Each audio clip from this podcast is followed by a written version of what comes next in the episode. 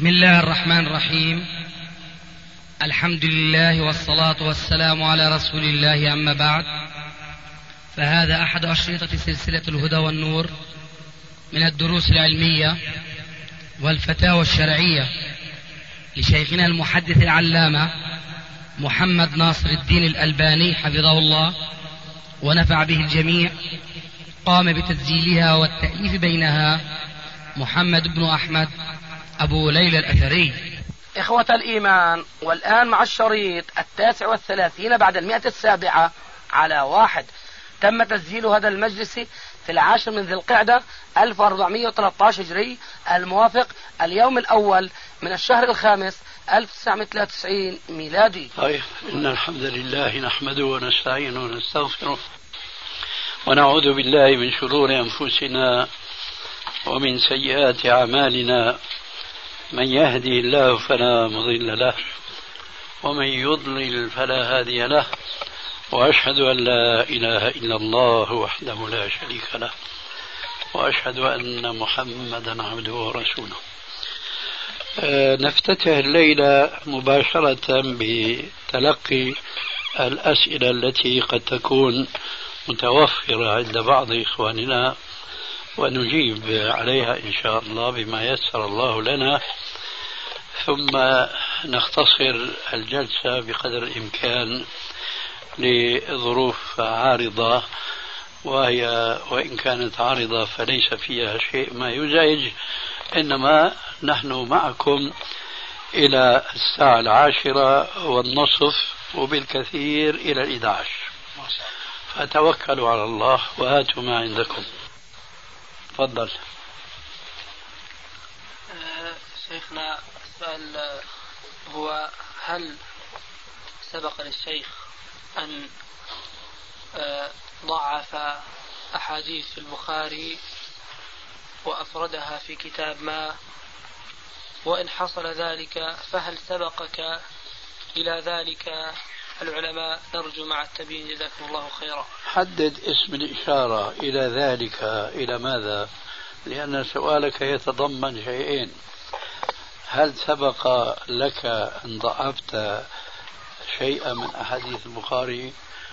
وهل جمعت في ذلك كتابا؟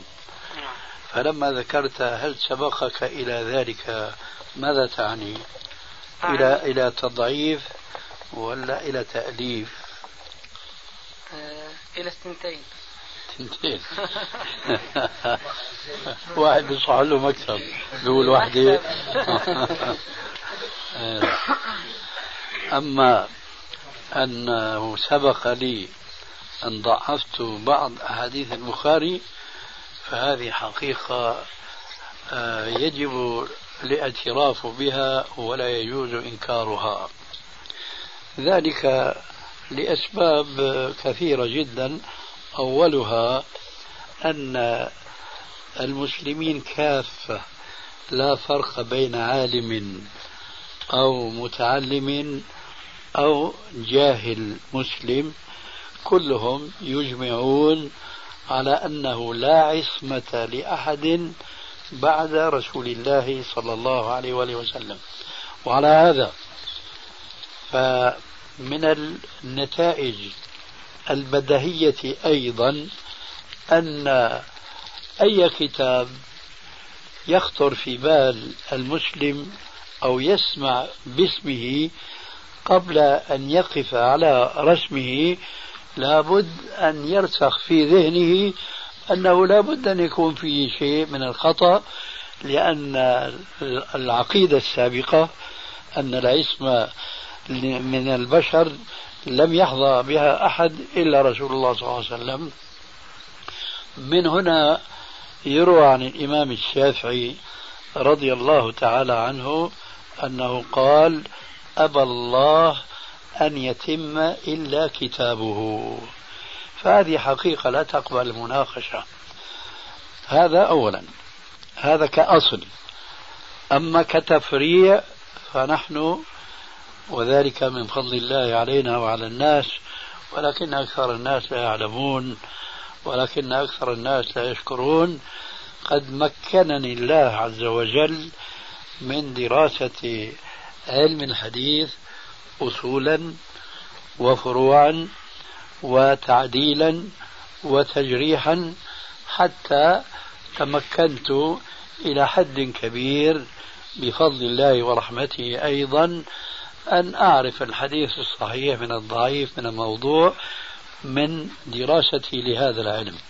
على ذلك طبقت هذه الدراسة على بعض الأحاديث التي جاءت في صحيح البخاري فوجدت نتيجة هذه الدراسة أن هناك بعض الأحاديث التي لا تبلغ مرتبة الحسن فضلا عن مرتبة الصحة. في صحيح البخاري فضلا عن صحيح مسلم.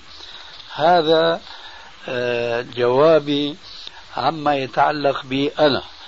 أما عما يتعلق بغيري مما آه، جاء في سؤالك وهو هل سبقك أحد؟ فأقول والحمد لله سبقت من ناس كثيرين هم أقعد مني وأعرف مني بهذا العلم الشريف وقدامى جدا قبلي بنحو ألف سنة. كالإمام الدار قطني وغيره فقد انتقدوا آه، الصحيحين في عشرات الأحاديث. أما أنا فلم يبلغ بي الأمر أن أنتقد عشرة أحاديث.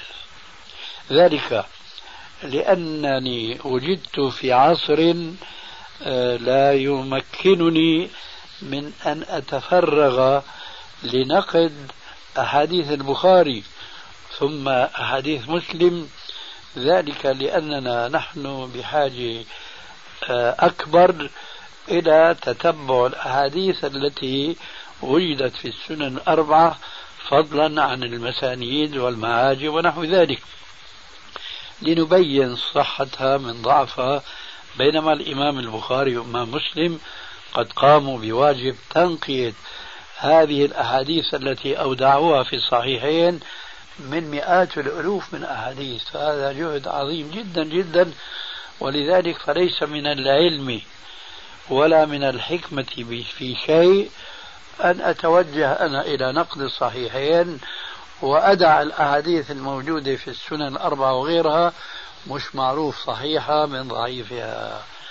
لكن في أثناء البحث العلمي تمر معي بعض الأحاديث في الصحيحين أو في أحدهما فينكشف لي أن هناك بعض الأحاديث الضعيفة.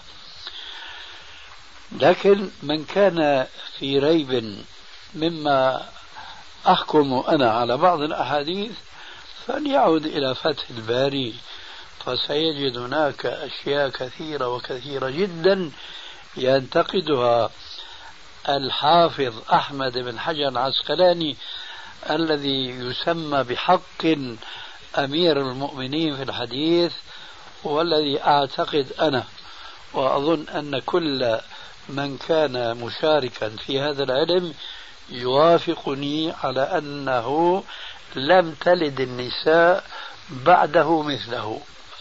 هذا الإمام أحمد بن حجر العسقلاني يبين في أثناء شرحه أخطاء كثيرة في أحاديث البخاري. يرجح أحيانا ما كان ليس في صحيح مسلم فقط بل وما جاء في بعض السنن وفي بعض المسانيد. ثم نقدي لبعض الأحاديث الموجودة في صحيح البخاري تارة تكون للحديث كله أي يقال هذا حديث ضعيف. وتارة يكون نقدا لجزء من حديث. أصل الحديث صحيح لكن جزء منه غير صحيح. من النوع الأول مثلا حديث ابن عباس. قال تزوج أو نكح رسول الله صلى الله عليه وآله وسلم ميمونة وهو محرم. هذا حديث ليس من الأحاديث التي تفرد بها البخاري دون صاحبه مسلم بل اشتركا واتفقا على رواية الحديث في صحيحيهما. والسبب في ذلك أن السند إلى راوي هذا الحديث وهو عبد الله بن عباس لا غبار عليه فهو إسناد صحيح. لا مجال لنقد أحد رواته بينما هناك أحاديث أخرى هناك مجال لنقدها من فرد من أفراد رواته. مثلا من رجال البخاري رجل اسمه فليح بن سليمان. هذا يصفه الحافظ بن حجر في كتابه التقريب بأنه آه، صدوق سيء الحفظ. فهذا إذ روى حديثا في صحيح البخاري وتفرد به ولم يكن له متابع أو لم يكن لحديثه شاهد يبقى حديثه في مرتبة الضعيف الذي يقبل التقوية بمتابع أو بشاهد. فحديث ميمونة وأن الرسول عليه السلام تزوجها وهو محرم لا مجال لنقد آه، إسناده من حيث فرد من أفراد رواده كفليح بن سليمان مثلا. لا كلهم ثقات أثبات. لذلك لم يجد الناقدون لهذا الحديث من العلماء الذين سبقونا بقرون لم يجدوا مجالا لنقد هذا الحديث إلا في راويه الأول وهو ابن عباس وهو صحابي جليل. فقالوا بأن الوهم جاء من ابن عباس ذلك لأنه كان صغير السن من جهة ومن جهة أخرى أنه خالف في روايته لصاحب القصة أي زوج النبي صلى الله عليه وسلم التي هي ميمونة فقد صح عنها أنه عليه السلام تزوجها وهما حلال. إذا هذا حديث وهم فيه راوي الأول هو ابن عباس. فكان الحديث ضعيفا وهو كما ترون كلمات محدودات. تزوج ميمونة وهو محرم. أربع كلمات. تزوج ميمونة وهو محرم. مثل هذا الحديث وقد يكون أطول منه له أمثلة أخرى في صحيح البخاري. النوع الثاني يكون الحديث أصله صحيحا لكن أحد رواته أخطأ من حيث أنه أدرج في متنه جملة ليست من حديث النبي صلى الله عليه وآله وسلم. من ذلك الحديث المعروف في صحيح البخاري أن النبي صلى الله عليه وآله وسلم إن أمتي يأتون يوم القيامة غرا محجلين من غرا محجلين من آثار الوضوء. إلى هنا الحديث صحيح وله شواهد كثيرة. زاد أحد الرواة في صحيح البخاري فمن استطاع منكم أن يطيل غرته فليفعل. فمن استطاع منكم أن يطيل غرته فليفعل. قال الحافظ ابن حجر العسقلاني وقال ابن قيم الجوزية وقال شيخ ابن تيمية وقال الحافظ المنذري وعلماء آخرين هذه الزيادة مدرجة ليست من كلام الرسول عليه السلام وإنما هو من كلام أبي هريرة. إذا الجواب تم حتى الآن عن الشطر الأول أي انتقدت بعض الأحاديث وسبقت من أئمة كثيرين. أما أنني ألفت أو ألف غيري فأنا ما ألفت. أما غيري فقد ألفوا. لكن لا نعرف اليوم كتابا بهذا الصدد. هذا جواب ما سألته. تفضل. بسم الله الرحمن الرحيم. شيخ الآن نحن موقفنا يعني كطلبة علم آه، ما هو موقفنا من آه، جراء هذه آه، هذا العلم العظيم؟ وهو علم الحديث. لأن هناك كثير من الناس طبعا تكلموا في هذا العلم وبعضهم رد على بعض. فما هو موقفنا؟ هل نقلد أحد هؤلاء العلماء؟ أم نرجح ما ترتيه أنفسنا وترتاح إليه؟ كقول الرسول صلى الله عليه وسلم استفتي قلبك ولا أفتاك الناس؟ انتهى السؤال. ما موقفك فيما إذا اختلف صحابيان في مسألة ما؟ ما موقفك فيما إذا اختلفت المذاهب الأربعة في مسألة ما؟ فإن كنت اتخذت موقفا فأبده حتى نزنه بالقسطاس المستقيم.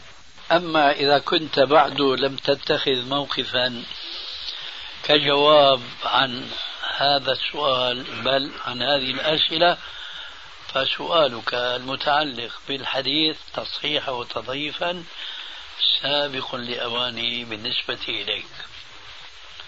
فهل اتخذت موقفا؟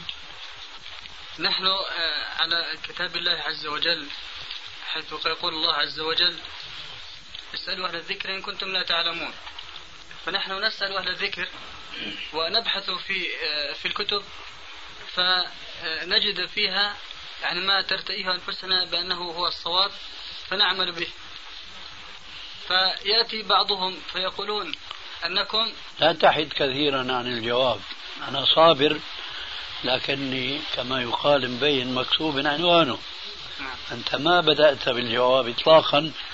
ولما أطلت فأحببت أن ألفت نظرك بأنك من أول كلامك حدت عن الجواب. إذا وجدت صحابيين اختلفا في مسألة ما ماذا تفعل؟ إما أن تكون من أهل العلم فتستطيع أن تميز الصواب من الخطأ بالدليل كما أشرت آنفا من الكتاب والسنة.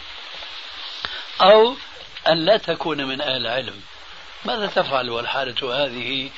فيما إذا اختلف صحابيان أو اختلف الأئمة الأربعة الذين هم نحن لهم تبع في منهجهم في طريقهم في علمهم إلى آخره. ما أجبت عن هذا؟ وأنا أعتقد أنك ما اتخذت منهجا في هذا. سأجيبك الآن. مسألة علم الحديث بلا شك مسألة أدق من السؤال الذي وجهته إليك. لأنك حينما تقف أمام قولين لصحابيين فذلك الخلاف في مسألة فقهية عملية يمكن أن يترجح لديك بسهولة أحد القولين على الآخر. لكن ليس الأمر كذلك. فيما إذا قال أحد المحدثين هذا حديث صحيح. ولا أقول آخر قال ضعيف لا هذا يأتي بالمرتبة الثالثة. واحد قال هذا صحيح الثاني قال هذا حسن الثاني قال هذا حسن الثالث قال هذا ضعيف.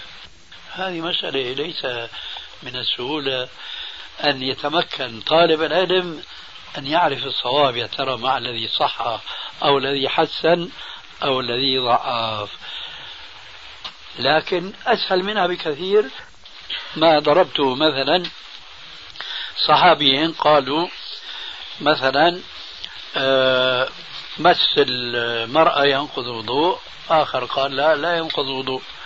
واحد قال خروج الدم ينقض الوضوء آخر قال لا ينقض الوضوء ممكن هذا ترجيحه بطريقة أيسر من ترجيح الصحيح على الحسن على الضعيف.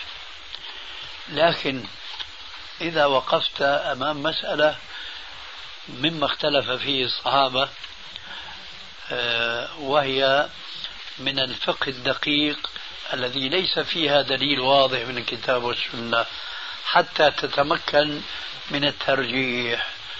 ماذا تفعل؟ هنا أظن أنت وأكثر الفقهاء من المتأخرين ما اتخذوا موقفا واضحا في ذلك. فأنا أقول لك الآن إذا جاءك قولان عن صحابيين ولم تتمكن من ترجيح أحدهما على الآخر بالأدلة المتيسرة الواضحة البينة. يعني مثلا قال واحد رأيا باجتهاد الآخر قال قولا معتمد على حديث. فهنا ما يتردد طالب العلم أن يرجح قول الذي استند على الحديث على قول الذي استند على الاجتهاد. لكن إذا كان القولان ليس لهما دليل واضح هنا بلا شك طالب العلم سيحار إلا من كان اتخذ له موقفا معينا يقتضيه العلم والفقه. فأنا أقول الآن إذا كان عندك عالمان من الصحابة لابد أن تنظر إلى الحقائق التالية. من أقدمهما صحبة لرسول الله صلى الله عليه وسلم. من أعلمها بسنة من أعلمه بسنة رسول الله صلى الله عليه وسلم. من من أكثر سفرا وحضرا صحبة للرسول عليه السلام إلى آخره. وهناك مرجحات أخرى وفيها شيء من الدقة. أكتفي الآن بمثال واحد. المسألة تختلف بين أن تكون وقعت من الرسول عليه السلام وهو في بيته وبين أن تكون مسألة وقعت وهو في مسجده ومسألة أخرى ثالثة وقعت وهو في سفره أو أسفاره. لا شك هنا يختلف المسألة. إذا كان إحدى أمهات المؤمنين تتكلم عن مسألة لا تقع من الرسول إلا وهو في بيته. وتكلم صحابي من الرجال بقول خلاف قول أم المؤمنين وليس عندنا مرجح كما قلنا من قبل. ألا ترى معي أنه حين ذاك النفس تطمئن لقول أم المؤمنين دون قول الصحابي الآخر لأن المفروض أن المسألة الداخلية أهل البيت أعرف بها من آه، الصحابة الذين هم يعيشون مع الرسول خارج الدار. هذا مثال تقريبي. والعكس بالعكس تماما. إذا مسألة لها علاقة بأسفاره عليه السلام وقال عمر بن الخطاب أو ابن عمر أو أبو هريرة أو غيره كلمة غير كلمة أم المؤمنين. وهي في عقر دارها. والمسألة ليست متعلقة بدارها. حينئذ سنقول لا قول ذاك الصحابي يقدم على قول السيدة عائشة. مثلا هناك خبر عن السيدة عائشة. الحقيقة مثال مهم جدا. تقول من حدثكم أن محمدا صلى الله عليه وسلم بال قائما فقد كذب. لقد رأيته يبول جالسا أو قاعدا. لكن وجدنا حديثا آخر وفي صحيح البخاري عن حذيفة بن اليمان. صلى الله عليه وآله وسلم سباطة قوم فبال وهو قائم. هي تقول من حدثكم فقد كذب. لكن حذيفة صادق. لكن حذيفة هنا رأى من الرسول شيئا خارج الدار لم تره السيدة عائشة. إذا نأخذ بقول حذيفة ونصدق المخبرين معا. عائشة تتحدث عما رأت لكنها بالغت حينما قالت ومن حدثكم بأن الرسول بال قائما فقد كذب. على هذا النمط المسألة تأتي أحيانا بدقة متناهية. فأحصر الآن الموضوع. في مسألة اختلف فيها صحابيان وليس هناك مثل هذا التفاوت الذي ضربته مثلا بين حادثة بيتية لا يمكن أن تقع خارج البيت فأهل البيت يتحدثون بحديث خلاف صحابي يتحدث عن تلك المسألة وهو لم يعش مع أهل البيت. قلنا أولا إننا نرجح حينما لا يوجد عندنا مرجح من كتاب والسنة قول أهل البيت على اعتبار المثل المعلوم أهل البيت أدرى بما فيه أو أهل مكة أدرى بشعابها الآن تتشابه علينا الأمور ولا نجد مرجحا من أي مرجحات وما أكثرها. لكن نجد رجلا عالما مسنا في العلم وبالنسبة للصحابة من السابقين الأولين. ونجد آخر من أهل الفتح مثلا الذين أسلموا مؤخرا. تضارب قولهما. وليس عندنا ما نرجح. ماذا نفعل في هذه الحالة؟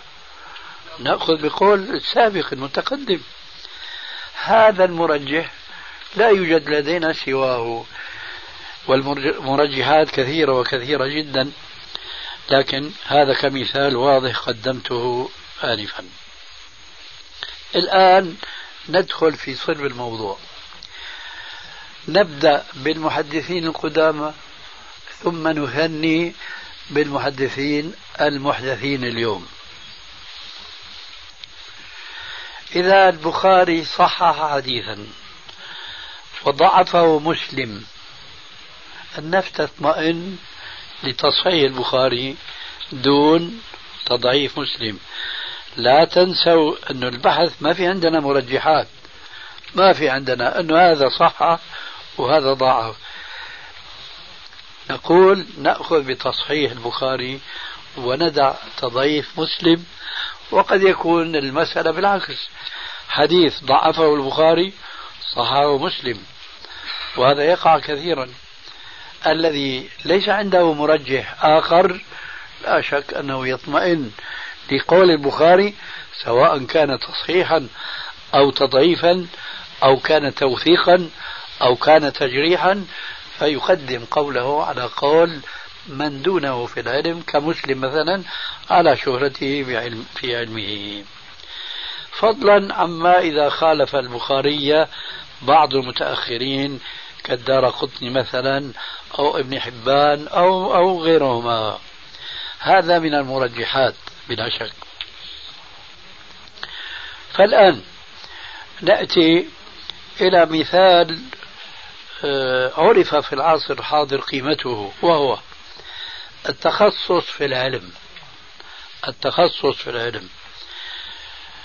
فنفوس الناس تجاوبا منهم مع فطرتهم يعلمون ويشعرون أن العالم المتخصص في علم ما يرجع إليه وتطمئن النفس لعلمه أكثر من غير متخصص.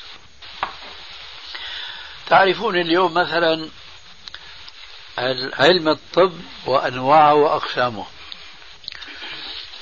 في مثلا طب عام وفي طب خاص.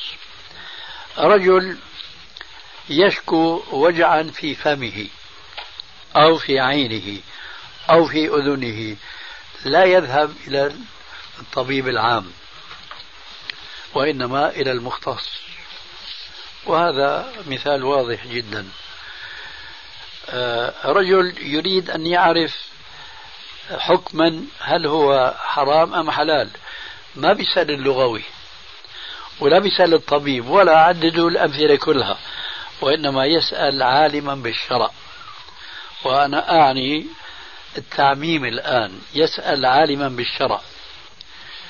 لكن العلماء بالشرع ينقسمون إلى أقسام. علماء بما يسمى اليوم بالفقه المقارن لك قال فلان كذا وقال فلان كذا وقال فلان كذا فيجعلك في حيرة. على كل حال سؤالك إياه. أقرب من المنطق بنسبة لا حدود لها من أن تسأل من كان عالما أو متخصصا في اللغة العربية. لكن إذا كنت تعلم أن هناك رجلا آخر عالم بالشرع لكنه يفتي على كل حال سؤالك إياه. أقرب من المنطق بنسبة لا حدود لها من أن تسأل من كان عالما أو متخصصا في اللغة العربية. لكن إذا كنت تعلم أن هناك رجلا آخر عالم بالشرع لكنه يفتي على الراجح من أقوال العلماء بناء على الدليل من الكتاب والسنة وأقوال أئمة السلف. لا شك أنك تطمئن لهذا أكثر من الأول. وهكذا وهكذا. الآن ندخل في ما نحن في صدده. الآن كما قلت اختلفت الأقوال وبعضهم يرد على بعض. الشيء الذي ينبغي أن يلاحظه طالب العلم هو هذا التسلسل المنطقي. وأنا لا أريد نفسي وإن كان هذا طبعا يتعلق بي تماما لكن هذا مثل للقاعدة العلمية التي ينبغي للعالم عفوا لطالب العلم أن ينطلق منها. عندنا مثلا الآن مشكلة تتعلق بالعقيدة. عندنا الشيخ عبد العزيز بن باز حفظه الله. وعندنا هذا الرجل الذي ابتلي الشعب الأردني في هذا الزمان بجهله وبقلة أدبه مع علماء السلف فضلا عن الخلف يقول مثلا عن الشيخ ابن باز بأنه لا علم عنده بالتوحيد. فأنا أتعجب من هؤلاء الشباب الذين التفوا حوله. متى عرف هذا الرجل بالعلم حتى يعتمد عليه؟ والشيخ بن باز مثلا ملأ علمه العالم الإسلامي. إذا هنا أحد شيئين. إما الجهل أو اتباع الهوى. فهؤلاء الذين يلتفون حول هذا الرجل هذا الرجل ابن اليوم في العلم. ما أحد عرفه ولا أحد شهد له لا من المهتدين من العلماء المهتدين ولا من العلماء الضالين. ما أحد شهد له بأنه رجل عالم. فلماذا يلتف حوله؟ هؤلاء الشباب أحد شيئين. إما لأنهم لا يعلمون هذا التدقيق الذي نحن نتسلسل, نتسلسل فيه من الصحابة إلى اليوم. صحابيان اختلفا رجل من السابقين الأولين وآخر ممن اتبعوهم بإحسان من آل الفتح وغيرهم ممن تأخروا في الإسلام. هؤلاء أهل علم وهؤلاء أهل علم لكن هؤلاء من السابقين الأولين. فهنا نفس القضية تمشي تماما. رجلان أحدهما بلغ من السن ما شاء الله وهو عالم وينشر العلم ويعترف بعلمه وفضله. وآخر آه، قبيح لا قيمة له لا يعرف له آه، منزلة علمية عند أهل العلم إطلاقا في بلده. فضلا عن بلاد أخرى. فإذا من هنا يأخذ الإنسان منهجا ممن يتلقى العلم. من هذا الحدث أو الحدث أو من ذاك الرجل العالم الفاضل الذي ملأ بعلمه الدنيا. نأتي الآن إلى صلب سؤالك. والله اختلفت الأقوال الآن فبعضهم يرد على بعض. أنا أقول إن إخواننا طلبة العلم مع الأسف الشديد ينطبق عليهم ما ينطبق ويرحمك الله ما ينطبق على هؤلاء المغشوشين بمثل السقاف. تركوا العلماء قديما وحديثا والتطفوا حوله وهو ابن اليوم لا أقول في العلم في طلب العلم وربما لا يصدق عليه ذلك. فالآن أين هؤلاء العلماء الذين ذكرتهم في سؤالك أنهم يردون بعضهم على بعض؟ فهذا يصحح هذا يضعف. هذا لا وجود له إلا نادرا جدا إلا نادرا جدا. وهنا إذا وصلنا إلى رجلين متماثلين في سابقية في العلم في التصحيح والتضعيف متماثلين. هنا مرجحات أخرى. منها مثلا. لا بد أن طالب العلم الذي وقع في حيصة بايصة بين هذا يصحح وهذا يضعف أو العكس وهما من حيث المزية الأسبقية متساويان وفي الصلاح متساويان. لكن أنا أتيك بمثال بسيط جدا. أحدهما موظف والآخر غير موظف. ألا تشعرون معي أن الموظف مقيد وغير الموظف مطلق؟ فإذا هذا يكون مرجحا لهذين اللذين استويا في ماذا؟ في العلم وفي الصلاح. فما بالك إذا تبين لطالب العلم أن أحدهما يتميز على الآخر؟ لا أقول في العلم نفترض أنهما سواء لكن أحدهما يتميز على الآخر بالصلاح قد يكون الواقع خلاف ذلك لكن أنا أقول بالنسبة لطالب العلم حتى يدفع الحيرة عن نفسه. هناك أحمد هناك محمد. فكلاهما في السن سواء وفي العمل سواء والتخصص سواء إلى آخره. لكن أحمد دون محمد في الصلاة. النفس تطمئن لمحمد أكثر من أحمد. وإن كان في الواقع في علم الله عز وجل قد يكون القضية بالعكس لكن لا يكلف الله نفسا إلا وسعها. فإذا هو يراعي الآن اطمئنان النفسي أيما أصلح أيما أتقى لله. آه محمد أتقى من أحمد. إذا أنا آخذ بقول هذا. ما أخذت هذا لأنك عرفت حجته. لا البحث كله أنك ما تعرف هذا العلم. فنأتي بقى إلى موضوع آه، نهاية المطاف في هذا المجال لأنه أخذ وقتا كثيرا في الواقع. فأقول فما بالك إذا عرفت أن أحدهما ليس متخصصا في العلم؟ هو عالم وهو فاضل. هو في الحديث وفي التوحيد وفي الفقه وربما أيضا في اللغة. لكن الآخر متخصص في علم الحديث. لا شك أنك ستأخذ به قوله قبل أن تأخذ بقول ذاك لأنه في عندك هنا مرجح على ذاك السلم الذي وضعناه آنفا من المرجحات على ضوء هذا البيان وهذا التفسير ينبغي لطالب العلم أن لا يقع في حيصة بيصة أنه والله مثلا بقى نقول نحن الواقع والله الألباني صح الحديث الفلاني وفلان قال لي إذا سألناكم منذ متى عرفتم علمه؟ والله عرفنا علمه من سنتين ثلاثة أربعة خمسة عشرة إلى آخره. طيب هل هو كذلك يعني بالنسبة للألباني يكفي هذا الترجيح؟ قيسوا أيضا العكس الآن.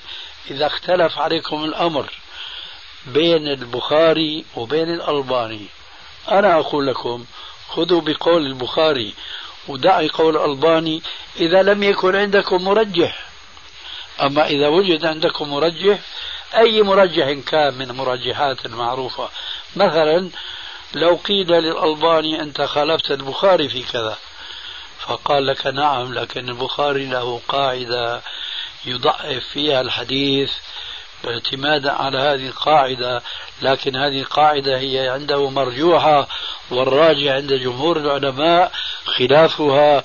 فأنا اعتمدت هذه القاعدة التي تبناها الجمهور من العلماء على القاعدة التي اتكى عليها البخاري وضعف بها بعض الأحاديث. ومن ذلك مثلا حديث آه، نحتاجه في كل صلاة وهو قوله عليه الصلاة والسلام إذا سجد أحدكم فلا يبرك كما يبرك البعير وليضع يديه قبل ركبتيه. كثيرا ما سئلنا. يا شيخ أنت بتقوي هذا الحديث والبخاري أعله بالنفس الزكية أي أحد الرواة من آل البيت ولا يعرف له لقاء بشيخه. أظن الأعرج فيما يغلب على ظني. لا يعرف له لقاء. هذا منهج للبخاري. إذا كان هناك راو معروف معاصرته للشيخ الذي روى عنه لكن مش معروف أنه سمع منه. البخاري يعل هذه الرواية ولا يكتفي بالمعاصرة. أما جمهور العلماء وعلى ذلك قام علم الحديث تصحيحا وتضعيفا. جمهور العلماء يقولون المعاصرة كافية. أضرب لكم مثلا. أنا مثلا عاصرت الشيخ محمد عبده لكن ما لقيته. فإذا قلت أنا قال محمد عبده ينبغي أن يفهم الحاضرون أن روايتي هذه عنه مباشرة إلا إذا عرف عني أنني لم ألقه. إذا عرف عني كما هو الواقع أنني لم ألقه. حينئذ يقال هذه رواية منقطعة وعلى منهج علماء الحديث أنا ثقة ومحمد عبده ثقة لكن رواية منقطعة لأن الواسطة بيني وبينه مجهولة كذلك لو أني لقيته ودرست مثلا في الأزهر كما يفعل كثير من الأزهريين من قبل وسمعوا بعض الأحاديث وبعض الكلمات من محمد عبده فأخذوا يحدثون بها. فهل نحملها على الاتصال؟ ما دام لقيه نحمله على الاتصال. إلا في حالة واحدة إذا عرف أنه يروي عن محمد عبده أشياء لم يسمعها منه يقال في اصطلاح المحدثين هذا مدلس فلا نأخذ بحديثه إلا إذا قال حدثني فلان. الشاهد أن البخاري لا يأخذ من رواية الراوي عن من عاصره إلا, إلا إذا عرف أنه سمع منه في بعض الروايات. فيقول عن هذا المسمى بالنفس الزكية بأنه لم يعرف عنه أنه لقي ذلك التابعي الذي روى الحديث عن الرسول عليه السلام يقول أنا أتوقف عن أخذ هذا الحديث ويقول في مثله لا يتابع عليه. يأتي من لا علم عنده بالأصول والقواعد فيقول الإمام البخاري ضعف هذا الحديث. نقول صدقت والبخاري لما ضعف أقام تضعيفه على منهج له وهو أن المعاصرة لا تكفي في إثبات اللقاء إلا أن يكون هناك نص سمعت حدثني ونحو ذلك من العبارات. الإمام مسلم الإمام مسلم وجمهور العلماء على أن هذا المذهب فيه تضييق وفيه تضعيف لأحاديث بالمئات بل بالألوف بل الإمام مسلم في مقدمة صحيحه يشير إلى أن الإمام البخاري نفسه لا يستطيع أن يطبق هذا المنهج في أحاديث صحيحه فضلا عن أحاديث رواها في خارج صحيحه. نعم. قلت شيخنا في إثبات اللقاء آه، بعد كلامك أنه لقاء هو في إثبات التصحيح. أردت أنت ولكن إثبات إيش؟ قلت في إثبات اللقاء. نعم. قلت أنه البخاري لا يثبت هذا الحديث بالمعاصرة آه، وقلت بعدها في إثبات اللقاء. أنت نعم. أردت في إثبات التصحيح أو تصحيح الحديث. نعم. لكن كل دروب الطاهون بارك الله فيك. وهل يكون المعاصرة معليش معليش. المعاصرة تستلزم اللقاء إذا روى المعاصر عمن عاصره. تستلزم اللقاء نعم. فما في وهم يعني في هذا الكلام. لا شيخنا أنت قلت آه، أن البخاري لا يثبت صحة لهذا الحديث بالمعاصرة نعم. آه وقلت هنا آه، حصلت حصل لقاء آه لا قلت البخاري قلت البخاري هنا ما صحح أنت ما صحح هذا الحديث بالمعاصرة قلت باللقاء. ما قصدت أنا أنا أعرف شيخ أن كلامك هو صحيح. قصدت أنا لو الجملة يعني كانت ما أنا بالله العبارة. إذا في خطأ من صحيح.